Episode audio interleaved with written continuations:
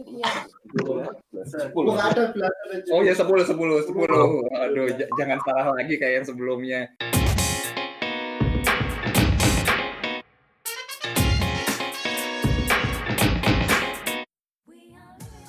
Ini beberapa ada yang live di sini, beberapa masih ada di Discord. Yeay, welcome.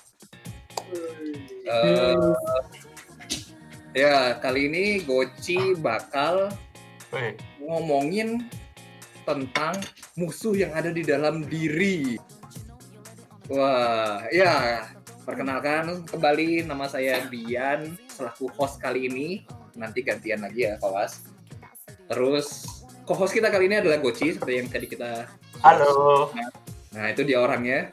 Goci ini namanya sebenarnya bukan Goci, tapi ya Ci, silahkan per, ini kamu lah perkenalkan sendiri. Formal atau apa nih? Jessi. Nama Oh, oh. Oke. Namanya Fajar Sudrajat Indra Pratama itu nama lengkap. Cuma ya kalau di Klostal dipanggilnya Goci. Dulu dari SMP dipanggil Goci sih. Ya, terus sekarang lagi menempuh pendidikan di TU Klostal jurusan Energi Rostov. Udah, itu mungkin ya. Status status Satu, satu single masih Pak. Oh, boy. jadi kalau ada sana ini nih salah satu quality tinggi nih ya. Lihat aja yang yang akan diobrol sesuatu yang dalam juga. Dan Insya Allah. Insya Allah berguna. Ci, Yes, oke. apa nih? Sekarang waktu dan tepat di kamu. Oke, terima kasih Mas Bian. Oke, Oh, jadi pertama-pertama mau cerita dulu boleh nggak ya? Boleh lah ya, boleh boleh. boleh lah, boleh, Ah, boleh ya, boleh. Ya. jadi ini cerita tentang Majapahit sih. Cuma ada moral story-nya juga di sini. Jadi Oh, oke. mulai aja ya ceritanya ya. Jadi kalau setelah mendengar Majapahit, kita kan pasti terbayang ya dalam benak pikiran kita tuh pasti ada sebuah kerajaan yang kemaharajaannya itu meliputi hampir seluruh Nusantara bahkan hingga Malaka kan. Tapi di sini tuh concernnya tuh bagaimana kerajaan tersebut bisa runtuh itu tuh gimana gitu. Nah, itu tuh diceritakan di Babat Tanah Jawi. Jadi keadaan Majapahit itu sewaktu peninggalan Raja Hayam Wuruk dan Mahapati Gajah Mada memang mengalami kemunduran gitu. Entah dalam sektor ekonomi, pangan, ataupun politik, segala macam pokoknya. Tidak ada lagi raja yang sebijaksana Hayam Wuruk dan tidak ada lagi Mahapatihnya yang sangat apa ya, sangat tegas, sangat sangat sangat bijaksana itu seperti Gajah Mada tidak ada lagi setelah peninggalan itu. Terus itu tuh keadaan itu tuh diperparah lagi oleh perang saudara yang ada di Majapahit. Majapahit yaitu seperti kayak misalnya contohnya itu perang Parekrek. Itu tuh perang yang di yang di, di dilakukan oleh Majapahit bagian barat dan Majapahit bagian timur untuk memperebutkan tahta di Majapahitnya sendiri.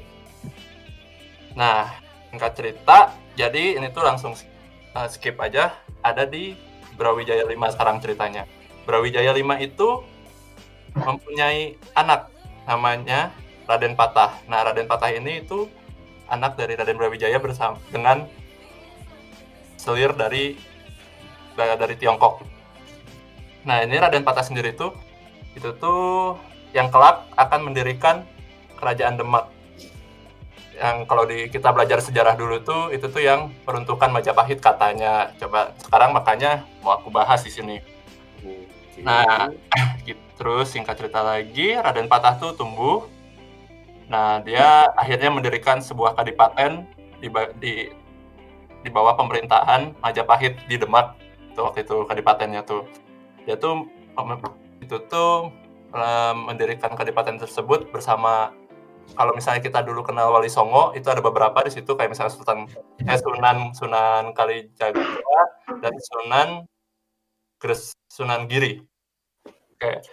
Nah, eh, saat Raden Brawijaya V berkuasa, kan anaknya itu tadi mendirikan sebuah kadipaten kan di Demak. Fokus kadipatennya itu ya fokus kadipaten Demak itu sendiri adalah untuk berdakwah menyebarkan agama Islam. ya sedikit demi sedikit ya Gresik, Tuban, Jepara, Surabaya dan Rembang tuh sudah menjadi daerah yang terislamisasi lah oleh Kadipaten Demaknya. Oke. Terus karena tadi sudah dimention keadaan waktu Brawijaya V itu memimpin di Majapahit itu kan sudah lemah, sudah ringkih karena ya tidak ada raja yang seperti Hayam Wuruk, terus Mahapati yang seperti Gajah Mada dan juga ada perang saudara. Jadi ya ada usulan waktu itu tuh dari kerajaan Demaknya sendiri. Kenapa kita nggak nyerang Majapahit aja sih? Kan Majapahit dari ringkih tapi dengan kalemnya dengan sabarnya Sunan Kalijaga itu menolak katanya kenapa kita harus menyerang menyerang Majapahit gitu jangan soalnya ayahandanya dari Raden Patah sendiri adalah Brawijaya V dalam diri orang Jawa itu tertanam sebuah pandangan kalau misalnya anak doha, anak durhaka itu tidak akan pernah benar tidak akan pernah benar seperti yang pernah kita mention sebelumnya kan ya di tentang folklore. Nah masih. itu tuh ya aku masih inget dong. Nah terus pokoknya tuh ya setelah itu Raden eh sorry salah uh, Sunan Kalijaga memberikan saran lagi gitu gimana kalau kita tuh tetap sabar aja berdakwahnya tuh tetap sabar karena emang dakwah tuh emang harus bersama sabar gitu nggak bisa dengan ambisi dan nafsu yang sangat-sangat bergejolak gitu nggak bisa harus sabar. Lagian juga pelan-pelan kan buktinya itu Gresik, Rembang, Surabaya, Jepara kan sudah menjadi bagian kita gitu. Oke, okay. dan keep cerita pada tahun 1478 terjadi sebuah kudeta oleh Adipati Gerindrawardana. Jadi kalau silsilah di keluarganya itu, Adipati Gerindrawardana itu menantunya dari Brawijaya V. Berarti kakak ipar, itu kakak iparnya dari Raden Patah. Nah, pada tahun 1478 itu, Adipati Grindawardana itu mengkudeta Brawijaya V dan membuat Raden Brawijaya V melarikan diri. Yang nanti pokoknya kalau diceritakan kembali itu dia akhirnya Brawijaya V itu moksa. Nah, tapi setelah itu terjadi kudeta kembali. Yang tadi itu misalnya Adipati Grindawardana itu menggelari dirinya dengan Brawijaya 6 Nah, habis itu ada kudeta kembali oleh oleh namanya oleh namanya tuh Patih Udara. Dia itu Patih Udara itu patihnya Brawijaya 6. Nah, Brawijaya habis dari situ Patih Udara berpikiran bahwa kalau misalnya Brawijaya 6 itu tidak terlalu tegas dan sudah seharusnya dia yang menduduki kursi tata Majapahit. Patih Udara di situ. Nah, kudeta tersebut akhirnya mengakhiri masa kepemimpinan Brawijaya 6 dan Patih Udara kemudian menggelari dirinya dengan gelar Brawijaya 7. Cerita diceritakan oleh Babat, Brawijaya 7 itu menyerang Giri, Giri Kedaton. Kalau di sini tuh Giri Kedaton itu diceritakan tuh kayak pusat pengembangan masyarakat dan berbagai ulama itu dulu berguru di situ. Di situ tuh tempatnya Sunan Giri uh, mengajarkan ilmu agama tentang ya pokoknya kayak pengembangan masyarakat juga ya kayak gitulah pokoknya nah di situ diserang sama Brawijaya 7 karena dia tuh punya kayak kekhawatiran kalau misalnya Islam terlalu terlalu berkembang itu ya agama yang dianut oleh Majapahitnya sendiri ntar gimana gitu terus ya ntar masyarakat juga pada membelot ke Demak karena di sini Giri Kedaton itu di Gresik itu bagian dari Demak. Nah Sunan di Sunan Giri sendiri pun waktu itu penasehat sekaligus panglima militer Kesultanan Demak. Nah, diceritakan waktu itu bahwa Sunan Giri sedang nulis pada saat pasukan Majapahit menyerang Giri Kedaton. Saat itu pula beliau kaget karena ada serangan dari dari kerajaan Majapahit. Beliau kaget akhirnya melemparkan penanya dan dia beliau berdoa kepada Tuhan yang Maha Kuasa dan tiba-tiba ini tuh di penanya itu berubah menjadi keris. Kerisnya bernama Ki Kanjeng Kiai Kolomunyeng. Nah itu si keris ini tuh diceritakan oleh Babat. Dia tuh mengamuk dan berputar-putar di udara, mem terus membuat ke pasukan Majapahit kabur pokoknya. Nah setelah penyerangan ini itu tuh walaupun Majapahit kalah tapi tetap ya kayak misalnya kok Raden Patah tuh kok misalnya kayak mana ya kayak misalnya kenapa sih Majapahit nyerang? Kan udah damai-damai gitu saya juga nggak nyerang kalian gitu kan. Nah akhirnya kalau misalnya di zaman mungkin kerajaan dulu daripada diserang terus kan ditindas terus ya mungkin kita harus ada melawan balik lah ya. Terus akhirnya ya Raden Patah itu bersama bersama bersama uh, petinggi-petinggi Demak akhirnya merundingkan apakah kita harus menyerang Majapahit. Dan waktu itu juga kebetulan kondisi dari masyarakat Majapahitnya sendiri itu tidak suka dengan para pengkudeta. Pengkudeta yang dimaksud ini adalah uh, Brawijaya 6 dan Brawijaya 7. Karena masyarakat Majapahitnya sendiri itu berpendapat bahwa sebenarnya keturunan aslinya Raden uh, keturunan aslinya Raden Brawijaya 5 itu adalah Raden Patah. Nah, Raden Patah itu yang harusnya menduduki kerajaan menduduki tahta di kerajaan Majapahit. Nah dari situ akhirnya serang lah ya Raden, eh, Raden eh, diserang oleh Demak Majapahit dan akhirnya ya dari situ Majapahit akhirnya ya mulai sedikit-sedikit akhirnya runtuh juga. Nah sebenarnya ada pesan moral yang dapat kita ambil dari cerita Sirna Ilang Kertaning Bumi ini atau runtuhnya Majapahit yaitu Ambisi yang tak pernah terkontrol karena nafsu hanya akan membawa kembali pada keburukan dan sebaliknya. Ambisi yang terkontrol akan membawa pada kebaikan.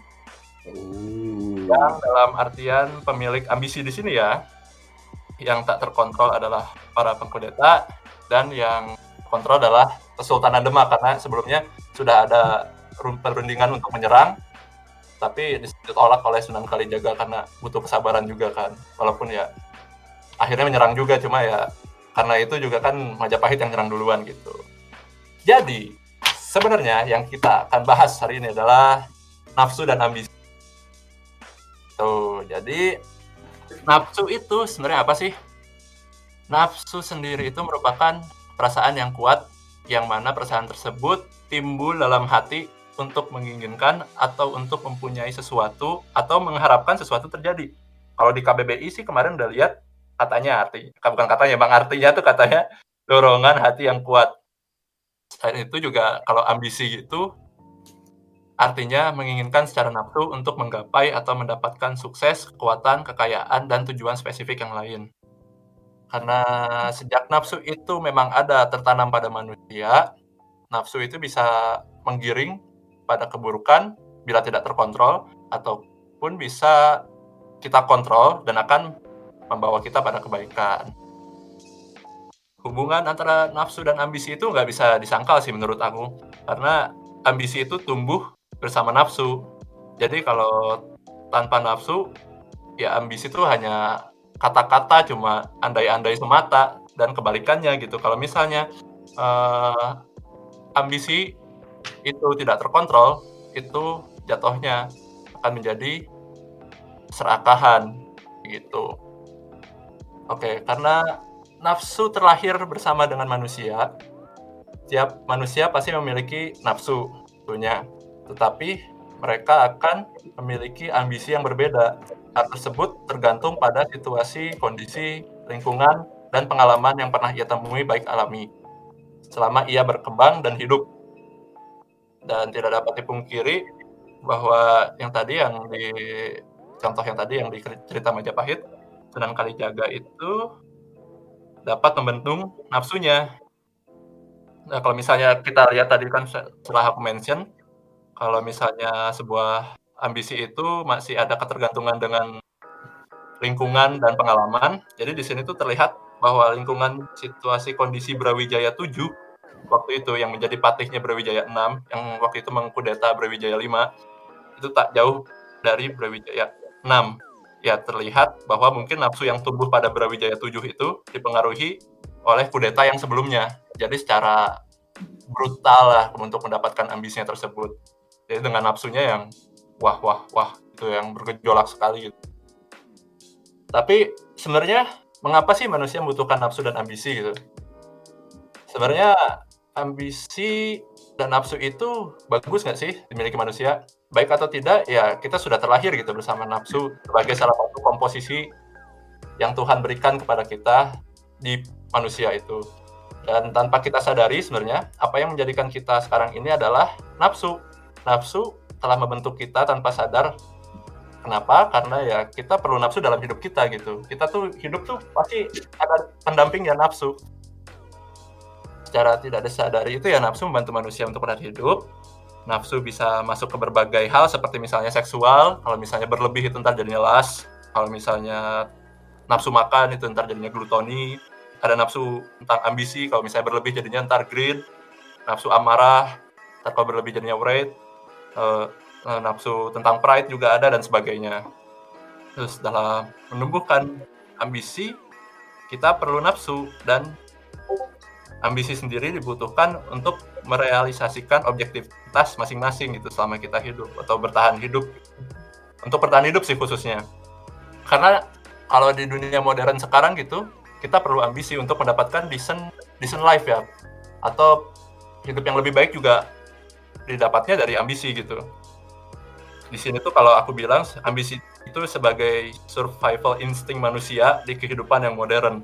Perlu diingat tapi ya kalau misalnya sinkronisasi antara hati dan ambisi akan membawa ambisi yang sesungguhnya tapi ya kalau ambisi hanya nafsu belaka ya itu ya udah itu ntar kayak tadi sebelum yang pernah dimention ya akan membawa kehancuran ke individunya sendiri gitu.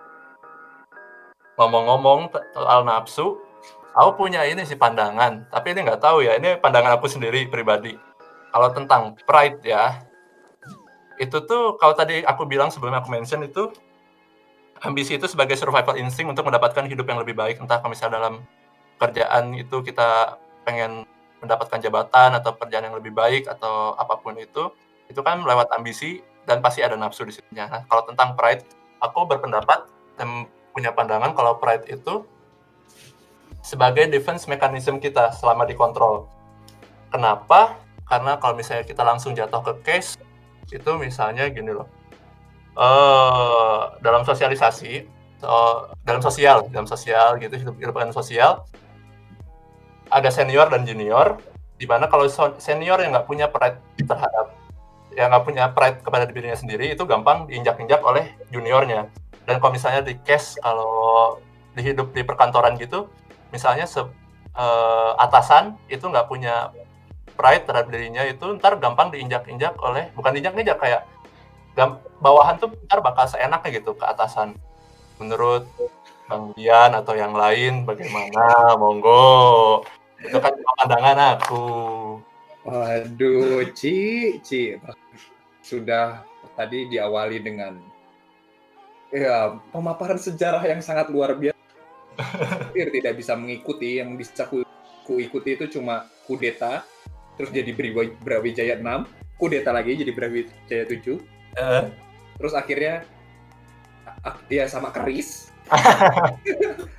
berdoa jadi keris ya. terus nanti langsung uh, ya ternyata moral of the story-nya ada kan ya terima kasih nafsu itu juga perasaan untuk mengharapkan sesuatu dan ambisi juga itu lebih spesifik sama harta dan tahta aku juga setuju terima kasih lahir bersama manusia nafsu itu ya kecil juga sudah jelas ada nafsunya. Kan lihat itu adik-adik bayi. Dari kecil udah nafsu tuh mau minta disusui kan.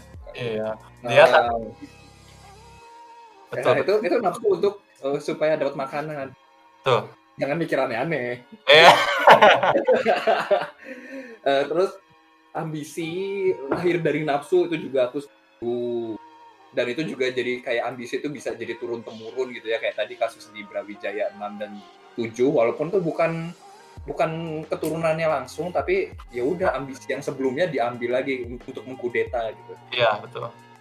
Tapi yang menarik kamu tadi bilang ambisi itu survival instinct di modern life. Iya. Eh, basic instinct. nah, itu aku nggak setuju, Ci. Kenapa? Gimana? Ya, soalnya kita hanya butuh nafsu di situ, nggak butuh ambisi yang berlebihan. Kalau kita sekarang gitu ya kan sekarang aku lagi cari kerja misalnya kemarin tuh, hmm. terus dapat kerja, aku dapat gaji yang cukup gitu ya, misalnya, terus itu udah cukup buat hidup ketika ketika aku apa ya dibilang kayak kok kamu nggak nggak nggak nggak stay apa namanya kok kamu stay terus sih di posisi itu kenapa kamu nggak nggak nggak maju-maju lagi gitu misalnya pasangan kita gitu biasa kalau punya pasangan pasti pengen hidup yang lebih baik gitu ya. Hmm, hmm, iya. Oh, kok ini ada apa nih? Kenapa? sih? nah, di situ ya bukannya aku nggak berambisi, tapi Hmm, eh, motivasiku tuh cuma cukup sampai ya udah kita hidup cukup bahagia clear. Kita nggak usah terlalu tinggi. Soalnya ambisi itu ter- udah sudah ke harta tahta gitu kan. Harta tahta birahi. betul. Nah itu ya yang kamu sebut barusan tuh. Dulu orang tua aku selalu bilang dek hati-hati. Anak cowok tuh musuhnya adalah harta tahta dan wanita. Nah. Nah, ta- tapi tapi kalau buat perempuan begitu juga sebaliknya harta tahta dan nggak pria cinta. Cinta. Free. Jangan pria kalian mikirnya, aduh pasti mesum-mesum terus ini ya. Nah perempuan tuh membutuhkan itu juga, jadi musuhnya tuh di situ biasanya kayak, oh bucin, bucin, terus nanti hati-hati makanya ya anak cewek. Hmm, Jadi seperti yang tadi kamu bilang sih, eh, harta, tahta, birahi, nggak terlalu vulgar, cinta lebih baik. Ya cinta, ya benar cinta. Ya. Itu tuh am- udah udah masuknya klasifikasi ambisi. Nah, Hmm. modern life memang menuntut kita untuk survive ya, tapi nggak Ya. nggak harus ke Lebih am- ambisi ke, ke, ke ke ini tadi gitu ke ke faktor ambisi ini di mana Hmm, menurut KBBI kan ya, bahkan tadi ya Hmm. bahwa itu lebih spesifik ke arah yang tadi kita sebut gitu. Ya. Gimana kalau menurut kamu? Kalau menurut aku ya, Jadi kita Oh. cukup nafsu aja, nggak perlu ambisi tinggi tinggi. ambisi yang enggak tinggi ya. Karena kalau menurut aku sendiri ya, perlu mah tetap perlu sih ya. Kayak kayak misalnya eh, sebenarnya gimana ya jelasinnya ya? untuk mendapatkan hidup yang lebih baik kan misalnya kita tuh hidup tuh nggak nggak nggak nggak sendiri gitu bi karena masih ada keluarga mungkin ada pasangan kayak tadi Bian bilang gitu. Mungkin dalam artian kalau misalnya kita nggak punya ambisi kita stuck di satu level gitu ya ntar ada masalah yang timbul dari bukan dari level tersebut tapi ya dari sekeliling kita. Entah misalnya pasangan minta Ya. apalah atau misalnya orang tua orang tua oh kamu atau misalnya orang orang tua misalnya ini tetangga bilang kamu kok gini-gini aja terus ini masih nyicil atau apa bla bla bla bla bla. Ya, omongan tetangga kan ke orang tua apa itu paling pedes biasanya. Terus habis itu yang lain lah pokoknya. Ya menurut aku ya di situ ambisi tetap diperlukan sih. Ya, ya diperlukan pada saatnya lah. Kalau misalnya untuk menghin bukan menghindari men, me- facing me- ya itu untuk facing problem yang tadi ada di sekitar gitu lah. Mhm. Menurut tapi itu. ya itu dia aku hanya aku juga setuju ya, Hmm. To some extent kita memang butuh ambisi gitu ya. Hmm. tapi jangan berlebihan di situ. Jadi Ya, jadi yang aku nggak setuju itu statement ini doang. Jangan dijadikan ambisi itu sebagai survival instinct. Ah oke. Ya Hmm. karena survival instinct emang benar untuk bertahan hidup gitu ya. Tapi kita cukup kita cukup ke nafsu aja kayak seperti layaknya bayi tadi. Ah. Untuk ini dia untuk hidup dia kelaparan dia nangis nangis minta susui nah kita cukup sampai situ aja nggak sampai si bayinya bak- bakal "Wah, loncat ke mamanya. Mau ini. Terus ya ya. Oh, oh, sorry sorry sorry, sorry. belum malam belum malam. Nah itu, itu dia itu yang aku cuma mau akuin aja sih. Iya. Pikiran jangan jadiin survival instinct ah karena untuk survival instinct kita hanya butuh nafsu untuk hidup. Nafsu ya. Ya ya benar sih. Oke. Bakal ganti itu. Coba tadi gimana tadi yang pride? Belum beres. Oh iya, yang Pride ya, Pride. Kamu Ah. tadi, eh, Pride kamu tadi bilang itu defense mechanismus. ah. Coba ulangi lagi. jadi gini. Intinya intinya jadi kan kita tuh hidup nggak sendiri juga pasti di sekitar kita ada orang lain lah ya. Itu tuh Oh, pride iya, tuh benar. sebagai sebagai kayak agar manusia tidak gampang diinjak-injak injak-injaknya dalam tanda kutip oleh manusia yang lain gitu. Entah misalnya kalau dalam hidup berkantor kayak tadi misalnya pride seorang atasan gitu kepada bawahan itu diperlukan agar bawahannya nggak sewenang-wenang ke atasannya. Kalau misalnya ada apa ada misalnya proyekan atau apa nggak mau tanggung jawab atau apa pokoknya nggak nggak nggak nggak nggak tanggung jawab lah si ininya siapa bawahannya. Terus kalau Hmm. senior dan junior juga kayak gitu misalnya. Waduh. ya senior junior juga tapi nggak tahu sih ya. Aku nggak nggak setuju sih. Cuma ya udah itu aja sih paling yang atasan bawahan sih. Jadi kalau pride di sini kamu maksudnya kayak misalnya Pak eh, ini ya eh, so manager atau leader di Yes. perusahaan. Ya ya. Eh, dia eh, bukan maksudnya gila hormat ya tapi bukan. Ah.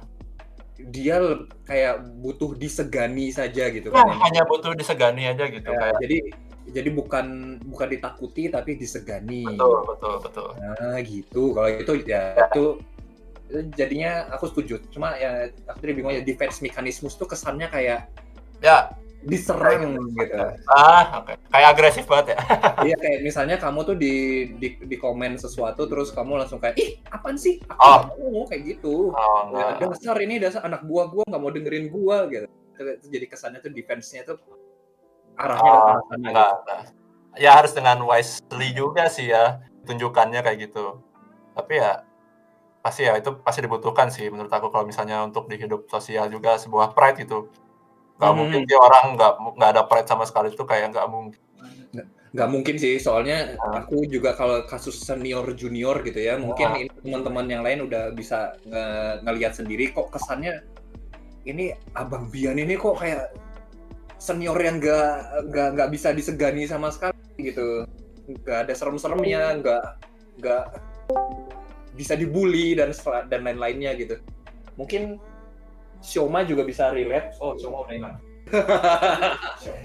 ya Enggak, aku masih di sini. oh, sama ada sama ada ya Soma ki- kita berdua kan tipenya senior yang bisa di dibecandain gitu ya.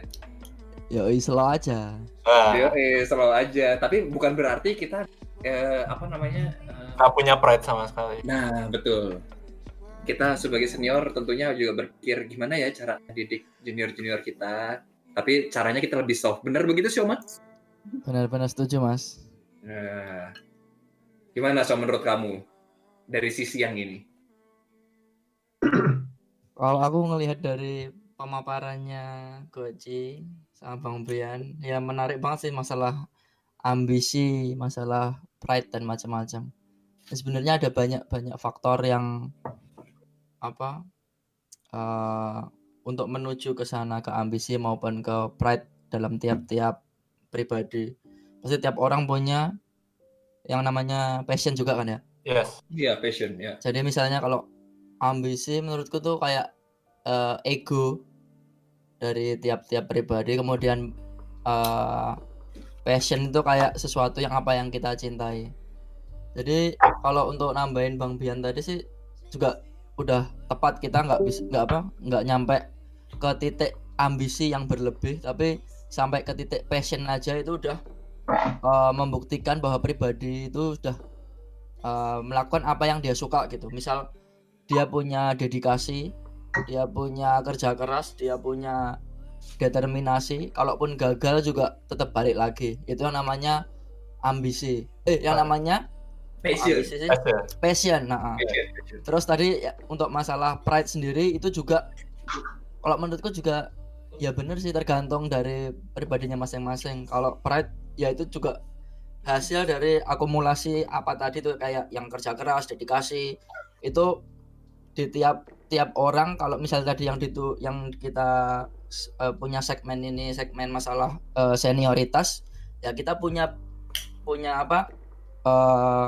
kerja keras ataupun dedikasi supaya menjadi kita yang benar-benar senior yang bisa diandalkan gitu.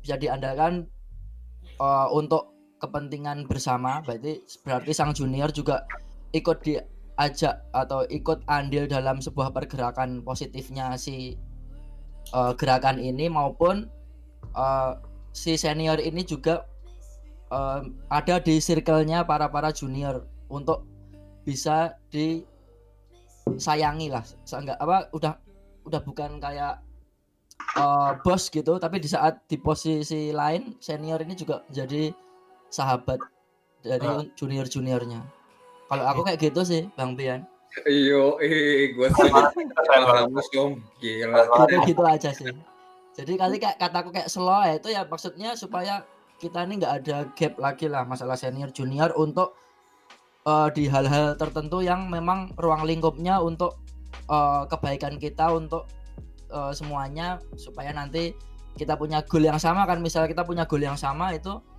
biar supaya nanti ada eh, sumbangsihnya dari kedua belah pihak gitu aja sih Iya. Mantap. Keren, keren, keren. Keren, keren, keren. muah muah muah Wah, Sekarang kalian ngerti kan kenapa punya sifat kayak gini? Ini kamu ini keren emang.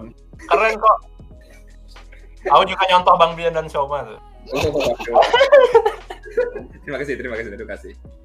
Tapi Oh, tadi cuma mention sesuatu yang menarik nih di kepalaku jadinya. Ada kasus senioritas gitu ya, itu itu kayaknya kesannya tuh wow. Dia dia gila, gila hormat gitu, jadi kayak semena-mena ke juniornya. Makanya makanya dia jadi kayak contoh se- senior yang kurang baik kalau menurutku ya karena kita cuma cuma takut doang ke dia kita nggak nggak sebenarnya respect. nggak respect gitu Ah, iya, iya. nah itu aku yang terpicu itu jadinya ini apakah contoh eh, ambisi atau pride yang berlebihan gitu nggak terkontrol Hmm, bener nggak betul, betul. Dia dia dia saking nafsunya eh, salah saking ya Inginnya. pengennya dia jadinya kayak ya gue bisa semena-mena aja lu masih muda juga. Itu banyak sih kita hadapi nggak nggak cuma di eh, di Jerman juga kayak gitu juga. Maksudnya walaupun kita taunya oh bule-bule hebat oh ini mereka nggak ada senioritas junioritas. Enggak itu pada pada kenyataannya yang tua-tua juga ngerasa hidup sudah lebih lama jadinya kadang-kadang mereka lupa mengontrol dirinya Hmm. gimana Ci? Kamu punya punya ini nggak? Punya Punya metode nggak untuk em, mengontrol gitu? anjay. Oke, jadi gini. Sebenarnya ya, kalau ini dulu ada kuliah dari Bapak Ke. Bapak Ke pernah ngasih tahu gitu, kalau misalnya nafsu berlebih tuh, kayak misalnya pride berlebih atau ambisi berlebih itu muncul, karena memang manusia itu sifatnya itu dasarnya ada tiga. Yaitu pertama, merasa dibutuhkan. Yang kedua itu ingin diakui. Yang ketiga itu ingin dihormati. Jadi tiga ini kalau misalnya misalnya tetap ada ya masih tetap ada cuma harus dikontrol kalau enggak ya ntar itu akan memicu si apa ya namanya si nafsu berlebih ini jadi terlalu overwhelm gitu kalau misalnya untuk mengontrolnya itu kalau misalnya di Islam ya insya Allah benar nih. Bukan ustadz soalnya. Jadi itu tuh bisa kalau misalnya dari kalau misalnya kalau kita bicara tentang pride misalnya kan itu tuh bisa misalnya nafsu pride itu bisa dijaga oleh sholat. Sholat itu ntar di antara di bacaan di sujudnya itu ada namanya tuh subhana rabbiyal a'la wa bihamdi yang artinya itu maha suci Tuhanku yang maha tinggi dan segala puji baginya. Itu kan kayak masih ada yang lebih tinggi walaupun kamu tetap ngekip yang paling tinggi gitu di dunia ini gitu. Tetap ada yang paling tinggi yang memiliki segalanya. Kalau misalnya tentang ambisi segala macam yang glutoni las segala macam itu bisa lewat puasa juga bisa menurut aku. Karena ya puasa sendiri kan ya menahan nafsu gitu. Itu ya fungsi utamanya salah satu gitu sih bi. Hmm. aku. Ya itu menarik sih su- sujud ya. Kalau aku juga dulu pernah nonton kayak ya dokumenter atau apalah pokoknya ya kayak ngejelasin ya tentang, tentang makna makna sholat gitu. Eh, posisi eh, bukan posisi apa gerakan ya gerakan sholat gitu. Sujud itu eh, kayak perwujudan eh, gunung. Jadi kayak yang tadinya kita berdiri dari atas terus kita jadi tuh bawah gitu kan kayak kayak gunung jadinya. Hmm. itu kayak mem- apa ya bukan rendah diri. Jadi kayak kita supaya supaya apa ya? Tahu diri.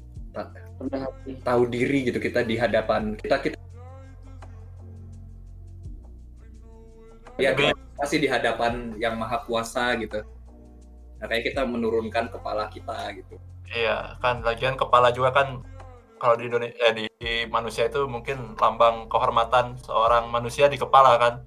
Jadi ya ya ya taruh di tanah lagi kan masalahnya gitu kalau misalnya sujud ya. Kalau misalnya yang yang tahu kalau dalam Islam begitu. tapi tadi artinya itu benar itu ya gimana. Mas? Fadel, seingatku sih emang kalau sujud eh, ya itu kayak apa sih kita di depan tuh meskipun kita punya apa seperti apa yang kamu sampaikan tadi Hmm, hmm. Nice, nice. T- eh, ada lagi yang menarik. Tadi kamu pemicu ya, pemicu nafsu nggak terkontrol, ingin dihormati, ingin dibutuhkan. Terus tadi satu Ingin diakui. ingin diakui. Iya. Wah itu bener memang lah goci. Alhamdulillah. Terima kasih guys. Diakui. Nah, pakai itu. aku mau bagi-bagi ini. Aku baru-baru ini dikuliahi ya gitu ya. Terus dapat nasihat. Gimana caranya kita mengontrol gitu nafsu ini gitu. Jadi kalau di di modern case di di saat ini kita kita interaksi sama orang satu sama lain entah itu di kantor di di kelas atau sama dosen atau sama eh, pekerja-pekerja yang lain teman-teman sering kali bisa apa namanya suka nggak kontrol dan tidak terkontrol dan eh, mudah termanipulasi efeknya itu. Nah, salah satu pemicunya itu dari menurut nasihat yang aku terima Mm-mm. itu tuh pertama agitasi, Hmm. Ke- rasa eh, marah, kedua perasaan bersalah, guilt, Hmm. ketiga perasaan ini simpati gimana nih contohnya Eh, kalau kita marah-marahan gitu ya. Kita marah. Kadang-kadang kita suka kalau di anime-anime akhirnya kita jadi eh, memilih jalan yang salah keputusan yang salah dan akhirnya ya itu emang yang diinginkan lawan kita gitu. Kita jadi mengambil langkah yang salah tidak tidak memakai kepala jernih gitu. Jadi kita termanipulasi. Atau perasaan bersalah misalnya aduh eh hey kamu kamu punya duit banyak kamu nggak ngelihat gue nih miskin nggak punya makanan kasih gue satu euro aja nggak mau tuh akhirnya kamu euro gitu Ya, itu itu dari perasaan bersalah atau ya simpati simpati juga bisa dari situ Hmm. Hmm. mungkin ada yang mau ditambahkan dari yang lain Ya, mau ngomong, aku ngomong, Mas Soma Iya. ngomong, Bang Bian ngomong, yang lain coba ngomong juga dong. Siapa tahu ada yang kurang dari kita, pasti ada yang kurang. Pasti, pasti, pasti ada yang kurang. Coba apa gitu mau ditambahin, nambah-nambah ilmu. pengen tanya iya iya iya Ben Ya, Mas Ben. em, tapi mungkin mau konfirmasi dulu sih aku nangkepnya dari tadi bahwa pride ini adalah terkait tentang self worth kayak harga harga diri gitu nggak sih atau atau pride yang lebih ke situ nggak Eh, iya perasaan yang pengen menghargai diri sendiri dan untuk dihargai orang lain, Mas Ben. jadi jadi bukan bukan pride yang sombong ya Kalau pride yang ntar berlebih, ntar jatuhnya ke sombong gitu. Kalau nafsunya berlebih, Mas Ben. Gitu sih. Ah, ah. mungkin aku pengen tahu aja sih kira-kira kalau menurut teman-teman gimana caranya kita untuk bisa lebih mengakses pride-nya kita dengan lebih benar gitu maksudnya em, apa ya biar biar kita juga nggak merasa terlalu rendah diri dan dibanding orang lain juga biar kita nggak terlalu merasa terlalu sombong itu kalau teman-teman strateginya biasanya gimana? Itu menarik. Password masing-masing. Ya, jadi pertanyaannya itu bagaimana kita eh metode kita masing-masing ya supaya kita tetap ada di nggak nggak di kondisi sombong yang berlebihan dan gimana tet- supaya tetap rendah diri ya tadi ya Bukan. bukan Jadi gimana strateginya supaya di satu sisi kita tidak jadi orang yang sombong, tapi di sisi yang lain kita tidak rendah diri. Ah, Oh. tidak rendah diri. Hmm. Menarik ya pertanyaannya. Coba kayaknya Bang Bian atau Mas Yowa nih kayaknya pas banget. Soalnya kan senior.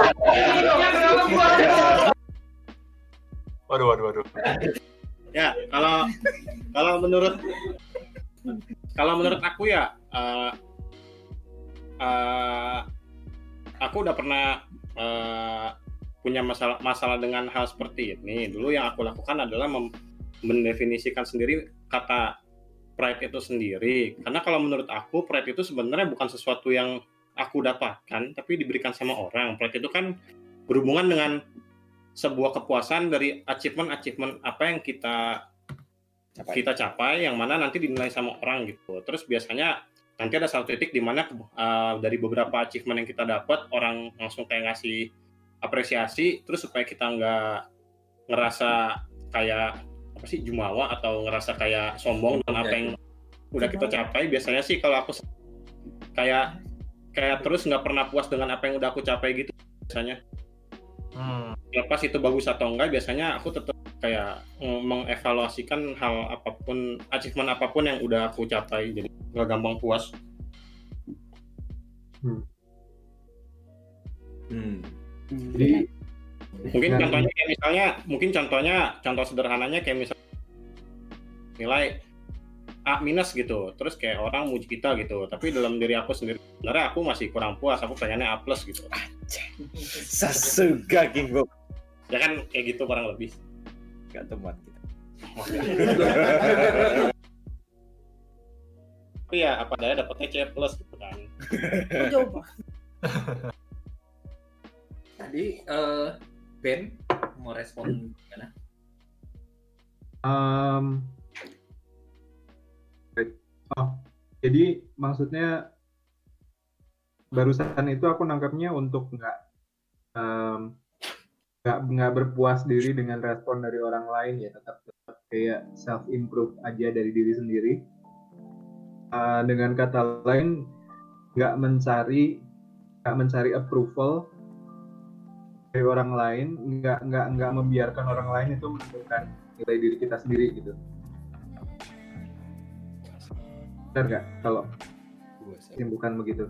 Mungkin secara tidak langsung bisa juga sih kayak karena achievement yang kita capai kan sebenarnya kan itu karena karena mungkin awalnya emang kita pengen ngelakuin hal itu gitu. Bukan ingin mendapatkan pengakuan dari orang lain sih. Tapi kembali lagi ke diri kita masing-masing sebenarnya ketika kita ingin mencapai ingin mendapatkan sebuah achievement tujuan utama kita apa gitu? Entah emang pengen mendapatkan pengakuan orang lain kah atau emang karena kayak emang kita lakukan itu karena passion kita kah? Hmm. kan ada aja kan kadang kita melakukan sebuah hal tiba-tiba jadi sebuah achievement dan orang Putus, ya bonus. Putus, putus. Putus. kalau Halo. orang putus sih parah banget ya. Allah, bukan. Itu itu putus suaranya ya Allah. perlu aku ulang Eh, boleh.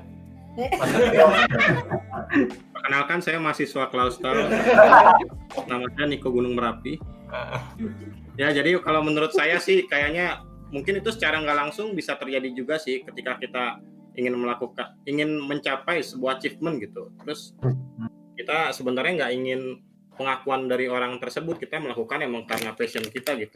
Ya mungkin bonusnya kita dapat pengakuan dari apresiasi. Ah. Ah, memungkinkan nggak? Kalau dari sudut pandang orang lain ya kalau lu mah udah dapat A minus aja pengen banget dapat A plus. Sombong ya lu. Memungkinkan sih menurutku. Jadi jadi kadang-kadang kalau kita memposisikan diri dengan orang lain tuh nggak sulit karena terus uh, uh, Oh. jadi pandangan orang berbeda gitu ini ini merupakan eh, kasus bukan eh, pertanyaan yang menarik ya karena aku juga sempat sempat kayak mikirin kayak hal ini gitu gimana ya kalau misalnya aku pengen mencapai hal yang lebih bagus lagi tapi pada akhirnya orang eh, orang ntar bakal ngejudge gitu ih sombong banget sih udah dapat segitu masih pengen lebih gitu. Terus suatu hari aku ketemu sama aku ikut seminar terus orang tersebut bilang kayak gini gitu kayak kita berhak melakukan apa pun yang kita inginkan tapi terlepas dari dari dari apa pun yang kita lakukan orang berhak dengan pendapat apa pendapat-pendapat yang dia keluarkan gitu. Uh, kita berhak untuk pengen jadi yang lebih baik gitu dari A minus jadi A plus gitu. Tapi kita nggak boleh lupa orang lain itu berhak untuk menganggap kita apakah itu wah kamu hebat teruskan gitu. Atau mungkin sombong gitu. Terus ketika ketika banyak hal-hal atau opini-opini negatif keluar dari mulut orang lain yang bisa kita lakukan sebenarnya satu uh, kita berhak untuk tidak peduli akan hal itu. Diam diam. Karena hal kayak gitu kalau kita pikirin yang ada kita menghambat secara nggak langsung. Kita menjadikan omongan orang tersebut menghambat diri kita untuk berkembang luar biasa Oh, gue suka jawabannya. keren keren Sa- Sasuga nih. Sasuga King. demikian dari saya bukan King Bob loh Sasuga Niko Bunbra merapi merapi ngasal ngasal lagi hmm. mungkin Hafin juga tadi mau mengomentari tentang hal ini nih Tadi Niko panjang aku jadi lupa lupa nih tapi ya. maaf ya maaf ya maaf ya Eh, trik pribadiku untuk nggak tinggi hati atau sombong itu ya aku ini sih ingat-ingat aja mati gitu. Ini agak agak dalam. Waduh, Tapi- elaborate more ya, tapi, tapi serius karena eh, kebanyakan orang itu berpikir orang lain akan mati tanpa berpikir dirinya sendiri akan mati gitu. Jadi kayak kita tuh kesadaran kita akan mati itu kurang. Jadi kita ujungnya nanti kayak kayak ngerasa nggak akan mati terus jadi berbuat semena-mena dan titi segala macam.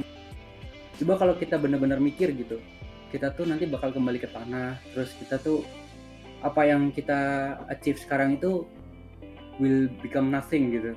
Kecuali ya emang kita achievementnya besar mungkin kayak Martin Luther King kayak gitu ya.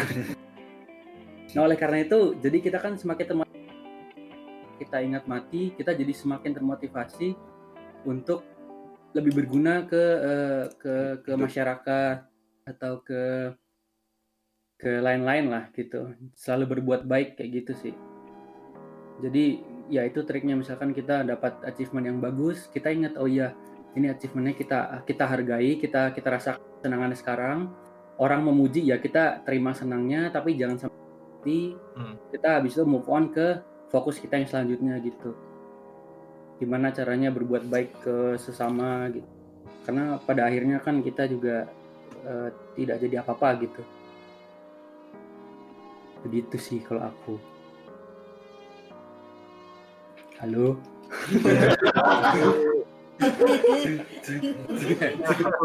Respon yang barusan tidak. Boleh boleh mas kalau itu aku mikir mungkin mati itu kan ada ada katakanlah mati mati fisik pada saat ya kitanya Hmm, mati gitu. Tapi pada saat pemikiran kita masih terus hidup, misalnya karya kita masih terus hidup, em, jadi kayak gimana ya? Aku yang pertanyaannya. Aku bingung. Em, jadi jadi eh,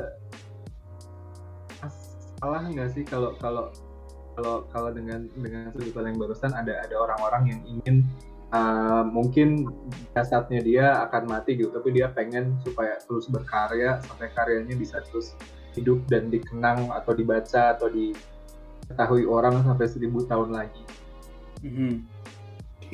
salah juga sih sebenarnya ya itu ya. Jadi masalahnya di mana kalau misalkan dia ingin Jadi masalahnya di mana kalau misalkan dia ingin putus. Enggak? Oh, ya, coba di pesannya.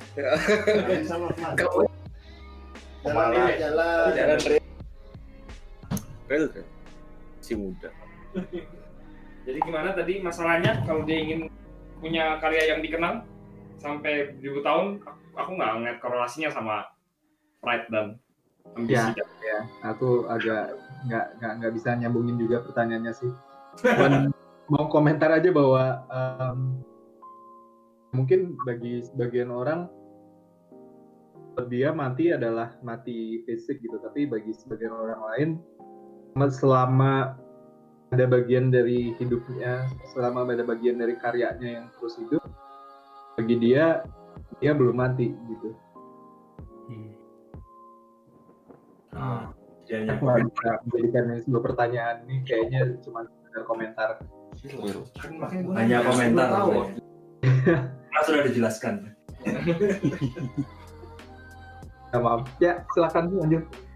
Ada lagi dari yang lain yang punya trik Oh bener trik-trik itu. bener. Aku tuh kalau misalnya itu nggak tahu ya kalau ngelihat orang misalnya kalau eh, apa apa tadi ketawa siapa itu? Kedengeran parah banget.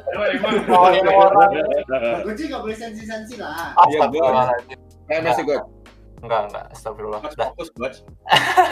Enggak. Jadi gini, tadi kalau misalnya kayak gitu kayaknya cuma kalau biar nggak terlalu rendah, tapi apa ya kalau tadi Mas Ben bilang tuh nggak terlalu rendah tapi nggak jumawa juga. Itu kayaknya kalau kita cara kita ber berperilaku juga bisa dari situ nggak sih? Kayak misalnya lebih ke murah senyum atau apa. Kadang kalau misalnya ada dulu senior gitu, dia emang kayak murah senyum kayak gitu. Cuma ya dia kayak menunjukkan pride-nya juga tetap ada gitu. Cuma karena murah senyumnya jadi ya kayak gimana ya kayak asik aja gitu.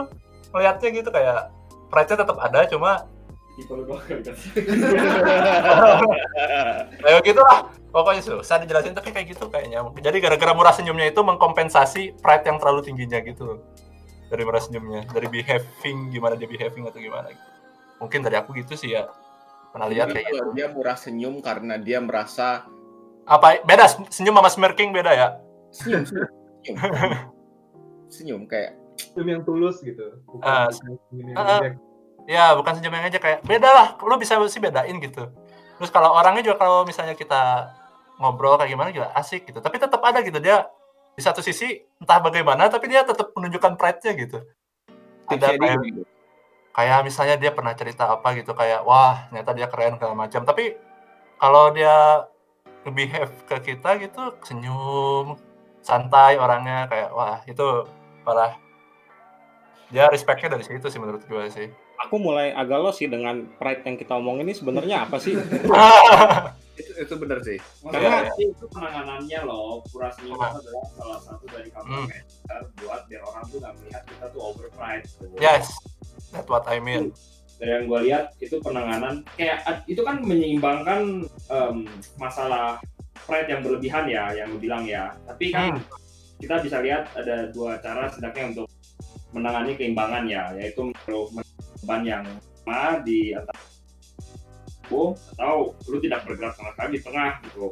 Hmm. terus ter- ter- balik lagi kalau misalkan sampai yang lo inginkan itu adalah em, apa sih pencitraan lu ke orang-orang di luar lu nggak ingin melihat lu eh, mereka nggak lu nggak ingin mereka lihat lu over pride atau terlalu rendah diri sampai seakan-akan lu nggak punya self value gitu itu kan pencitraannya semua di luar ya kalau misalkan memang cara bermain lu seperti itu lu boleh mengeluarkan countermeasure countermeasure seperti senyum atau lebih ramah ke orang salaman kenalan nggak dicuekin atau juga ya menurut gue yang paling simple lu stay di tengah dengan cara mengeluarkan kata lu berlebihan kayak misalkan Betul. Nicong dapat nilai 1,7 gitu. Tapi dia pengen satu tapi dia berkoar-koar gitu. Kan orang juga nggak bakal tahu kayak orang nggak bakal bilang lu sombong banget sih dengan cuma ngeliat Nicong 1,7 terus dia cemberut gitu. Ma- ya kecuali orangnya mungkin jahat banget gitu. Itu orang cemberut dapat 1,7 Nah,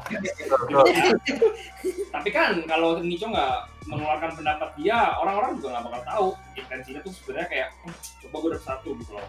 Maksudnya itu kan Nico nggak mengeluarkan perasaan dia dan nggak ada pencitraannya ya orang nggak mungkin ada yang bisa mengambil kesimpulan kalau dia over pride tapi ada juga yang nggak mengambil kesimpulan sama sekali. Kalau gue sih nggak bakal menyangka apa-apa gitu loh. Jadi lu bisa menghindari masalah over pride itu dengan tidak berkata apa. Ya, lo makin jauh ya tolong jelaskan ke gua. Ini kita ngomong definisi pride yang kita ngomongin itu apa sih?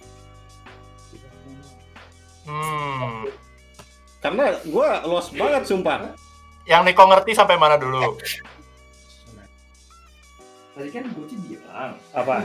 Ya. dia mencoba untuk dia suka yang orangnya senyum senyum itu Ya. kata nama biar pandangan dia pada orang yang suka senyum itu orang itu nggak terlalu eh, Sombong. mengangkat harga dirinya setinggi itu Ya kayak senyum dari gua tuh mahal. jadi temanya it, sombong amat Jadi, lagi ngomongin itu bagaimana cara menangani biar lu tuh Nggak sombong. terlihat terlalu sombong gitu yang which is dalam kata lain mungkin sama dengan kelebihan harga diri atau pride gitu loh Iya kayak itu kan kayak apa ya? Merasa ada pride yang merasa kalau kamu tuh lebih penting, lebih baik daripada orang lain. Kadang kan itu juga over pride gitu. Mungkin bisa dikompensasi dari situ. Eh, Dari definisi overpride itu sendiri yang ngasih parameter kita orang lain. Sebenarnya gini kan ya kalau pride itu kan di dalam diri sendiri gitu ya kita bisa kontrol tapi kan orang lain kita nggak bisa kontrol gitu Hmm. iya gimana ya makanya jangan Oke. ngomong apa-apa Goch Oh nggak mau apa-apa. nggak bisa ngomong apa-apa guys tapi kalau in all seriousness tentang gak ngomong apa-apa ya menurut gua selama lu memakai harga diri lu ini sebagai hal defensif yang berarti lu tuh ingin me- pendapat orang lain terhadap diri lu gua sendiri nggak memegang pride gua dalam posisi defensif gitu loh. Melainkan misalkan seperti seorang pelukis yang dia terus melukis gitu misalkan di ruangan. Kali dia nggak keluar. Karena dia memegang pride-nya dia sendiri terhadap art pieces-nya yang sedang dia kerjakan. Itu pride dalam posisi ofensif menurut gua terhadap diri dia sendiri. Dia nggak dia bukannya ingin mencapai karya yang membuat orang lain dia sebagai mahakaryawan tapi dia punya pride sama worknya sendiri dia nggak mau work dia jelek dalam pendapat dia sendiri gitu loh. Jadi gue bukan tipe orang yang memakai pride dalam seperti ah wah aku pernah ngeliat masa gue udah ngeluarin pieces kemarin yang pertama masa yang kedua jelek dari yang pertama? Tapi kayak gue pengen lebih baik daripada yang pertama gitu. bukan maksudnya kalau lu merasa takut dilihat sama orang kan itu pride defensif ya menurut gue maksudnya biar orang lain tuh biar lu gak mengira orang lain mengira lu seperti itu. Itu yang gue kurang sering gunakan di dalam hidup gue jadi kalau menangani soal over pride gue lebih memilih itu pilihan di mana gue nggak bergerak daripada gue harus menaruh beban di dua sisi. Salah satu cara menangani untuk over pride Tapi ini kan berarti kembali lagi ke kacamata. Mau sebagai sebagus apa pun kita mau memberikan kepuasan kepada mata mereka masing-masing kan diri mereka masing-masing. Mhm. Bahkan dengan kita nggak melakukan apa pun bisa dicap sombong loh. Yes. Ya karena mungkin tendensinya orang kali ya nyari nyari nyari yang jelek-jelek di kita kan ya. Iya kan?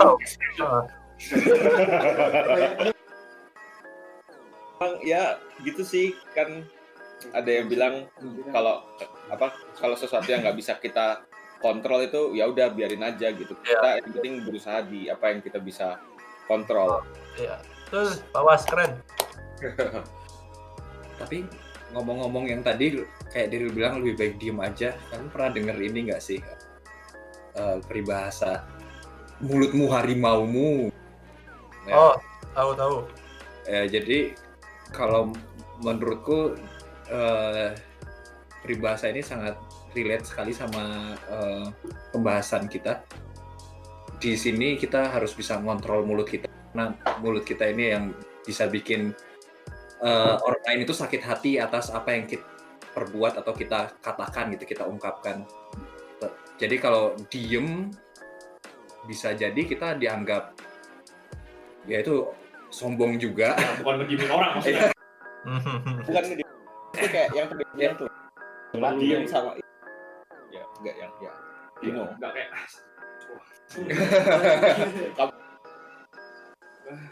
cuman gitu doang juga. Orang pasti bakal komen "Ah, kan kalau in kalau di kasusku aku kan ini ya eh, apa ya jadi jadi suka ngomong gitu ya kayak apa yang kulihat apa ya itu ya aku langsung dapat nilai oh gila nilai gua 1,7 orang-orang tuh kan langsung kayak gila lu 1,7 kayak kayak kayak jelek aja gitu. Ya, ya, ya.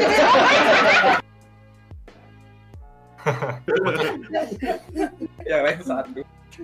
Nah itu kan ke- kesannya kan kayak aku bisa menjatuhkan orang lain dengan buat nilai aku plus banget kesannya. Jadi beratnya di sisiku tapi aku kayak pernah ikut kelas juga. Kita bisa eh, memperbaiki apa yang sudah kita katakan. Jadi misalnya kita udah eh, bilang gitu ya kita udah terlanjur bilang atau memang kita udah insting kita untuk mengatakan itu kita bisa juga eh, akhirnya menganalisis kayak introspeksi diri oh di sekitar kita ada juga yang nilainya lebih rendah dari aku. Terus kita misalnya di hadapanku itu ada orang yang aku tahu nilainya rendah dibanding aku. Ya. Satu delapan. 1,8 Agak. Kita bisa kita bisa ya berkata manis lah untuk untuk menaikkan kembali itu dia si dia. Misalnya kayak ya ya kamu juga oke kok tiga gitu. Itu itu lulus. Atau misalnya dia nggak lulus ya, kamu nggak lulus tapi nggak apa-apa. Yang penting kamu ada progres di situ misalnya bilang gitu kayak kita naikkan kembali dia yang tadi kesannya kita jatuhkan. Hmm. dengan begitu jadinya lebih seimbang di di apa ya di di kedua sisi ini tanpa harus diam bener-bener diam. Hmm. karena kalau kita diam kita juga bisa bisa bikin orang ini apa namanya jadi jatuh ke sisi yang sombong dari sisi dia gitu. Misalnya dia tahu nilai dia 1,0 terus kita kita kita diem aja terus dia langsung berpikir bocah ini. Akhirnya dia malah sombong. Secara nggak langsung kita berperan membuat orang itu jadi sombong. Gitu. Jadi ya itu metodeku sih. Jadi Pakai- kita pakai humor kali ya. Ya. Kayak tipis gitu. Pakai humor tuh lebih bagus. Hmm, mungkin maksudnya kayak beberapa orang kan ada yang memakai itu untuk ber- ber- bertumbuh lebih gitu ya. Kayak dia nggak puas dengan nilai A minus gitu yang Nico bilang. Tapi Yes. nggak semua orang kan bisa mengerti ada beberapa orang di luar sana yang memakai pride bertumbuh untuk diri sendiri dan hanya untuk dirinya sendiri gitu. Maksudnya untuk menghindari persepsi orang terhadap kita di mana dia nggak mengerti kalau kita sedang menggunakan pride itu untuk bertumbuh. Ya mungkin ada baiknya keep it to ourselves. Maybe misalkan kalau lu nggak pengen kalau lu nggak ya silahkan gitu loh. Ya karena lu hidup hidup lu buang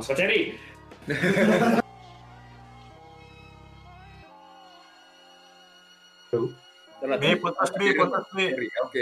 Kadang ada yang kayak buat batuk. Oke. Ternyata banyak ya yang bilang trauma sama obat batuk itu karena gue nggak cherry. tahu sama obat batuk. Gue suka cherry doang. Cekokin obat batuk pas kecil. Mungkin ya. Kan. jangan Kayaknya- pernah jangan pernah masa lalu Kayaknya satu cara supaya memperbaiki kacamata orang terhadap pride kita gitu ya yaitu dengan cara kayak membuat orang kenal dengan kita. Contohnya kayak misalnya aku aku kayak tadi dapat nilai misalnya A terus sama aku kayak menghela nafas gitu. Kalau orang yang nggak tahu kondisi aku bakal ngecap diri aku kayak sombong banget sih ini orang kayak dapat A minus syukur tapi nggak nafas gitu. Tapi mungkin dari sebagian orang yang tahu tentang diriku mungkin contohnya misalnya ada kasus di mana oh anak ini harus dapat nilainya A minimal karena dia bikin perjanjian sama korporat supaya dapat uh, apa stipendium atau dapat apa namanya Eh, beasiswa. Beasiswa.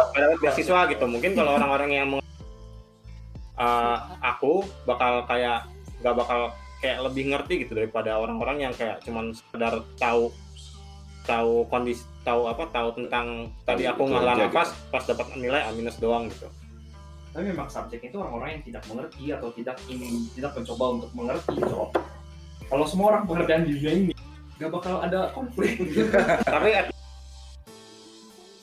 Hilang, Cok. nggak bisa nggak deny kayak hidup lu tuh tentang diri lu Nah, doang itu dia di mana gue tuh membuat ekosistem gue tuh orang yang memang nyamperin lu as in misalkan lu punya sesuatu pendapat Hmm. lu nggak mungkin tiba-tiba ke depan Facebook terus mengutarakan pendapat lu pegang-pegang papan gitu tapi ada hilang. lu pada saat salah satu teman lu menanyakan pendapat lu. Kan itu kan safest bet gitu loh. Walaupun di situ pun orang masih bisa mengelak atau masih bisa eh, berpikiran ber, ber otherwise atau apa gitu loh. Tapi kan setidaknya mereka ingin gitu.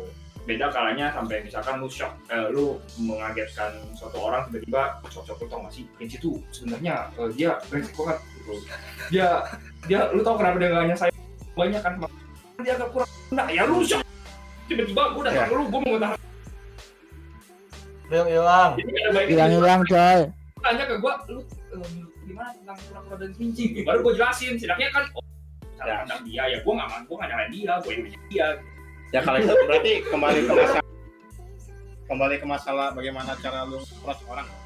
bagaimana lu membuat orang mengapproach lu cok Ah.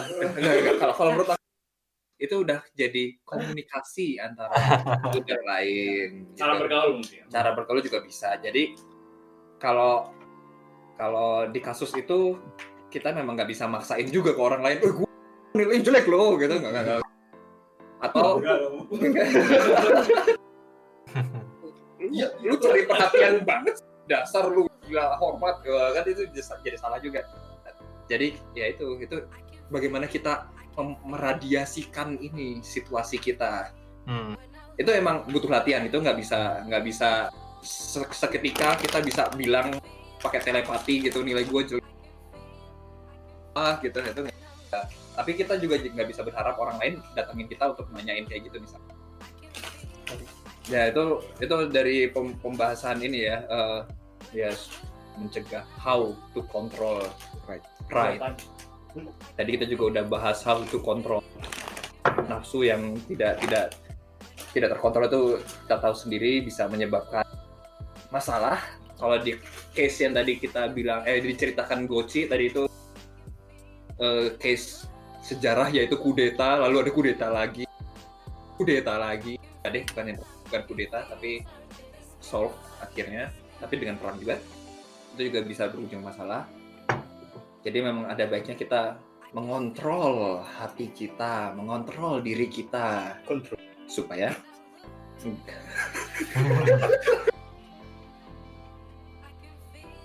ya kita harus kontrol. Intinya itu kita harus kontrol supaya ya ambisi atau tadi kita juga harus bahas sampai pride itu nggak nggak berlebihan dan menyebabkan masalah di di kemudian hari lalu tadi ada quotes yang sangat bagus itu ya. Eh, apa namanya? Jangan biarkan orang lain mempengaruhi kita. Ya orang lain di sini yang toksik gitu ya. Hmm. ya mempengaruhi kita supaya kita menjadi tidak berkembang. Quotes dari Kimbo. Nico Merapi. Oh ya Nico Chris dicoba rapi. memanglah Nico Bapak Sasu. Quotes itu mengakhiri on session kita kali ini terima kasih. Hore, hore.